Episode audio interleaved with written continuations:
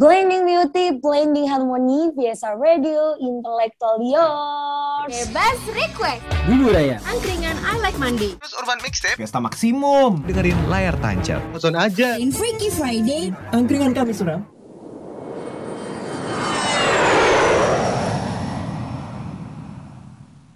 Fiesta Radio goes to podcast.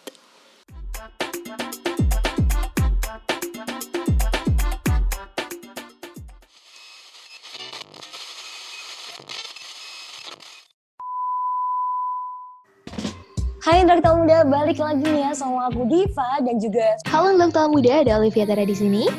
yang pastinya kita berdua bakal nemenin nih ya sore harinya intelektual muda di Fiesta Maksimum, maksimumkan sore kamu.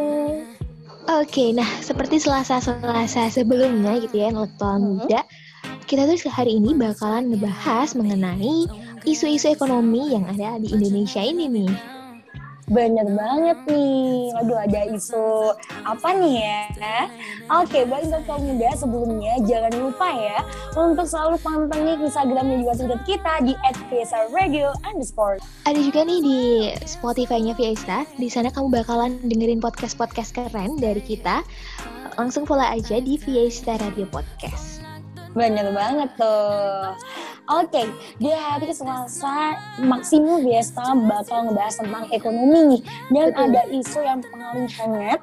Ada isu pemerintah ngumumin akan mengimpor 1 sampai 1,5 juta ton beras dalam waktu dekat. Waduh, ini pasti menimbulkan pro kontra ya di masya- masyarakat karena memang Indonesia ini kan Mhm. dikenal sebagai negara agraris gitu ya karena Bener banget Oli. Sabang sampai Merauke tuh emang tanahnya subur gitu kan Mhm. ya. Tapi kok ironisnya kita tuh sampai mengimpor beras sebegitu banyak gitu loh. Bener banget nih. Dan dari Deputi Bidang Koordinasi Pangan dan Agribisnis Kementerian Koordinator Bidang Perekonomian Musdalifah Mahfud nerangin ya alokasi impor beras diberikan untuk menjaga pasokan beras tetap aman hingga akhir tahun. Kayak gitu Bener tuh. banget. Mm-mm. Ini tuh pemerintah melakukan hal ini tuh juga bukan tiba-tiba langsung kita udah deh kita impor beras gitu kan. Tapi itu memang udah dipertimbangkan gitu sesuai dengan kebutuhan masyarakat. Di mana Bener banget tuh. iya bener. Dan ini tuh eh, situasi pandemi pemerintah tuh melihat eh, semua sektor itu pasti kena. Dan tidak lupa juga di sektor pertanian gitu ya. Di pertanian ini tuh memang hasilnya tuh tidak sebanyak biasanya karena ini dalam situasi pandemi. Jadilah pemerintah memperhitungkan untuk mengimpor beras dengan jumlah yang telah disebutin tadi 1 sampai 1,5 juta ton. Bener banget nih. Dan juga ada Erlangga Hartanto mengatakan menjaga keters- ketersediaan beras di dalam negeri merupakan hal penting nih ya agar harganya tuh bisa terkendali dan juga stabil nih. Bener, nah eh, seperti yang kita tahu ya intelektual muda beras tuh kayak emang udah bahan pokok banget deh. Indonesia kan kalau nggak makan nasi kayak belum makan. Jadi beras tuh emang sesuatu yang udah jadi gimana ya kita tuh hidup berdampingan dengan beras. Kita memang Bener banget. banget sama beras ini. Jadi misalnya kalau eh, jumlahnya tidak terpenuhi itu kan pasti Mm-mm. akan menimbulkan kegaduhan gitu loh di masyarakat. Makanya pemerintah memutuskan untuk mengimpor beras itu gitu. Mm-mm. Apalagi ya, ya namanya makanan kita kebutuhan pokok sehari-hari beras, nasi. Jadi emang ini tuh hal yang paling maintenance banget yang bener-bener jadi apa ya acuannya bangsa Indonesia gitu loh. Apalagi di perekonomian kan, di sektor perekonomian tuh emang pola dasarnya. Bener. Nah, itu juga tadi yang sempat aku singgung juga nih beras jadi kebutuhan yang teramat penting gitu. Emang Mm-mm. Indonesia tuh kalau nggak makan nasi tuh belum makan ya nggak sih? Sampai kalau kita Bener banget tuh. kan? Ditanya udah sarapan belum? Belum sarapan. Ya, tadi makan apa? Padahal- makan roti gitu kan. Roti tapi kamu belum sarapan gitu. Bener banget sih. Emang yang katanya Olive ya, kalau belum makan lah intinya kalau nggak nasi tuh masuk dalam perut kayak gitu. sampai-sampai kita malah kadang tuh kelebihan Mm-mm. karbo nggak sih makan mie pakai nasi makan kentang pakai nasi makan jagung pakai nasi semua tuh nasi Bener gitu. banget. Intinya nasi tuh emang udah primer ya, primernya Bank Indonesia kayak gitu. tapi juga nggak menutup kemungkinan gitu kan Indonesia ini luas banget ada ada Mm-mm. beberapa daerah yang memang ba- makanan pokoknya itu bukan nasi kayak ada sagu ada ubi tapi memang jarang banget Mm-mm. sih ya maksudnya presentasinya emang sedikit banget gitu Yes. Kayak bandingannya juga jauh gitu. tuh Oke, nextnya nih Olive.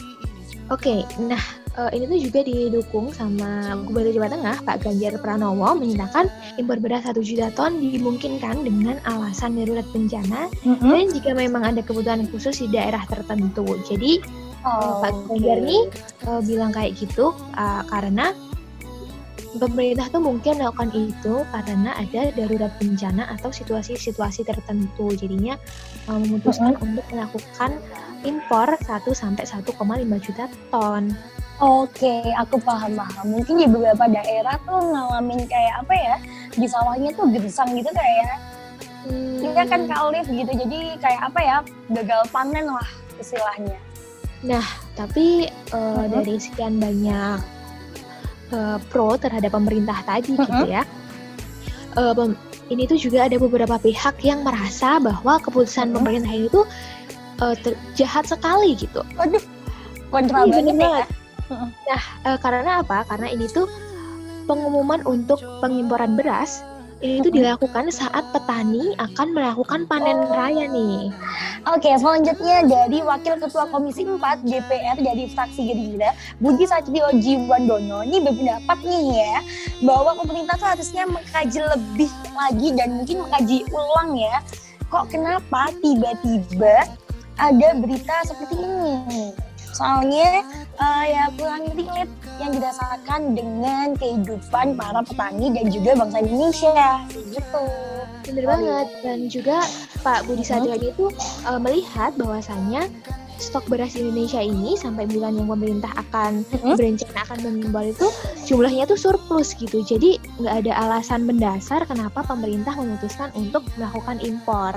Oke, seperti itu. Jadi emang bener-bener kind of relate banget sih ini dengan kehidupan nyatanya yang katanya surplus eh tapi nggak ada nggak ada hujan kayak gitu. Iya, jadi kayak kontradiktif banget Hmm. gitu kan ya. bener banget ada miss di antaranya. Terus ada di pandangan lain, penguat pangan IPB Sahara mengatakan pemerintah seharusnya mengumumkan rencana impor beras saat bulan Juni ketika data persediaan sudah benar-benar pasti gitu ya. Sarah menilai rencana pemerintah ini tuh sama sekali nggak punya un- urgensi apa-apa. Oke, bener sih ya apa yang mungkin juga dikatakan oleh Bapak Sahara dari pengamat pangan IPB ini harusnya emang mungkin kalau ada rencana kayak gini ya wajar lah ya uh, Olive pemerintah tuh ngadain kayak import ekspor tapi mungkin timingnya momentumnya yang kurang pas di jawa-jawa seperti ini apalagi tadi Olive juga bilang lagi musim-musim mau panen rayanya nih. Iya benar. Jadi tuh urgensinya memang aku sendiri tuh nggak melihat urgensi kenapa pemerintah mau melakukan impor beras sebanyak itu sih karena itu baru fix juga di bulan Juni sedangkan ini masih Oh, bulan oke. Maret gitu kan. Mm, mm, mm, mm. Wow, jadi emang berita atau isu tentang pemerintah yang mau ngeimpor beras 1 sampai 1,5 juta ton. Wow, itu banyak banget ya. Banyak, Emang- betul. Mm-mm, emang munculin banyak pro dan kontra nih. Mungkin menurut intelektual muda nih, apakah kebijakan pemerintah untuk mengimpor 1 juta sampai 1,5 juta ton beras sudah tepat dilakukan? Nah gimana intelektual muda? Kamu juga bisa nih beropini. Apa sih opini kamu soal rencana pemerintah untuk melakukan impor ini gitu kan? Banyak Selanjutnya ada banget. juga nih Mm-mm. Pendapat dari petani Subang, Denny Mhm. Nurhadiansyah mengatakan April mendatang akan merayakan panennya yang sudah mulai menguning dan gembuk. Nah, jadi itu ini Wow. setelah tadi eh, kita dengar pendapat-pendapat DPR, terus ketua perhimpunan tani dan lain sebagainya. Sekarang kita dengerin dari sisi petaninya nih. Waduh, Ada soal rakyat langsung ya. betul. Jadi tuh eh, tadi beliau mengatakan eh, panennya tuh sudah mulai menguning dan gemuk gitu kan ya. Menurut Oh. diri juga meskipun impor beras masih dalam tahap wacana, tetapi sudah mempengaruhi harga jual gabah kering petani. Wow. Lagi emang bener-bener sekali lagi nih efeknya bener domino banget ya kalau misalnya pemerintah bener-bener menggarap nih impor beras sampai 1,5 juta ton. Wow. Betul. Jadi dia juga eh, Pak Denny ini tuh mengatakan kalau pemerintah tuh jahat sekali gitu ya karena Iya. Mereka tuh kesusahan untuk menjual beras di dalam negeri gitu ya karena jumlahnya turun terus berasnya tuh dalam kondisi basah jadi mereka harus mengeringkan dulu terus mereka masih struggle sama itu semua tapi pemerintah malah mengumumkan akan eh, mengimpor beras dengan jumlah sebanyak itu. Oke. Jadi buat intelektual muda ini yang mau beropini langsung aja cus ya. Opini intelektual muda di Twitter dan juga Instagram kita di @radio underscore. Benar. Oke, jadi konklusinya tadi kan kita udah dengerin dari pihak pro dan pihak kontra gitu ya. Nah di pihak pro tadi itu udah ya memang eh, pasokannya takut kurang dan lain sebagainya. Di pihak kontra sendiri tadi itu memang ini tuh nggak ada urgensinya pemerintah melakukan semua ini gitu kan. Bener banget tuh. Nah konklusi dari kita adalah kalau inisiatif pemerintah mengeluarkan Mhm. pengeluaran eh, negara ini untuk mengimpor beras gitu kan ya. Kenapa enggak pemerintah itu lebih mengoptimalkan eh, bantuan dana untuk petani jadi Yes. Petani itu juga bisa menghasilkan beras yang berkualitas dengan jumlah yang banyak sehingga kita nggak perlu melakukan impor-impor lagi gitu. Yo, jadi intinya yang internalnya dari Indonesia ini diperbaiki ya kualitasnya. banget. Ya, ya maksudnya internal dulu lah yang diperbaiki baru nanti kalau misalnya emang bener urgent atau ada urgensi khusus boleh lah ya impor tapi ya balik lagi pokoknya internalnya tuh harus baik dulu kayak gitu. Kalau di Indonesia-nya udah aman, Mm-mm. Kurang-kurangannya itu kan bisa impor. Tapi yang penting Mm-mm. itu udah petaninya udah sejahtera dulu, semuanya udah tercukupi, Mm-mm. baru yang ada kekurangan dari negara lain. Oke, hmm, seru banget ya edisi maksimum pada sore hari ini dengan kita berdua pastinya godok-godok isu ekonomi yang lagi wow happening banget mengingat ekonomi itu emang pilarnya bangsa gitu.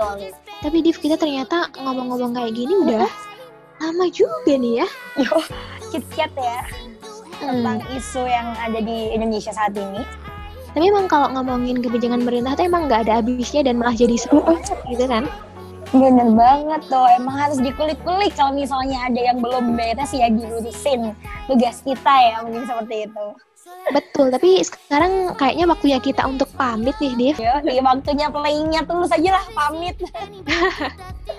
Oke, eh, aku Olive pamit.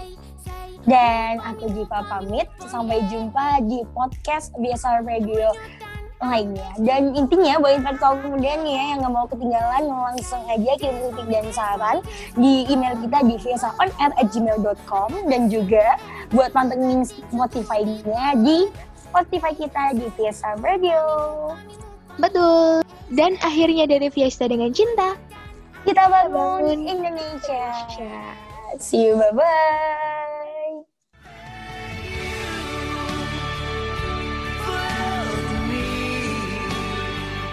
Wanna thank you for giving me time to breathe.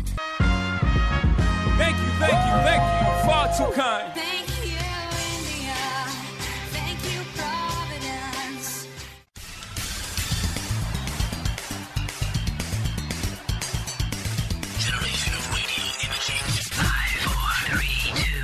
Fiesta.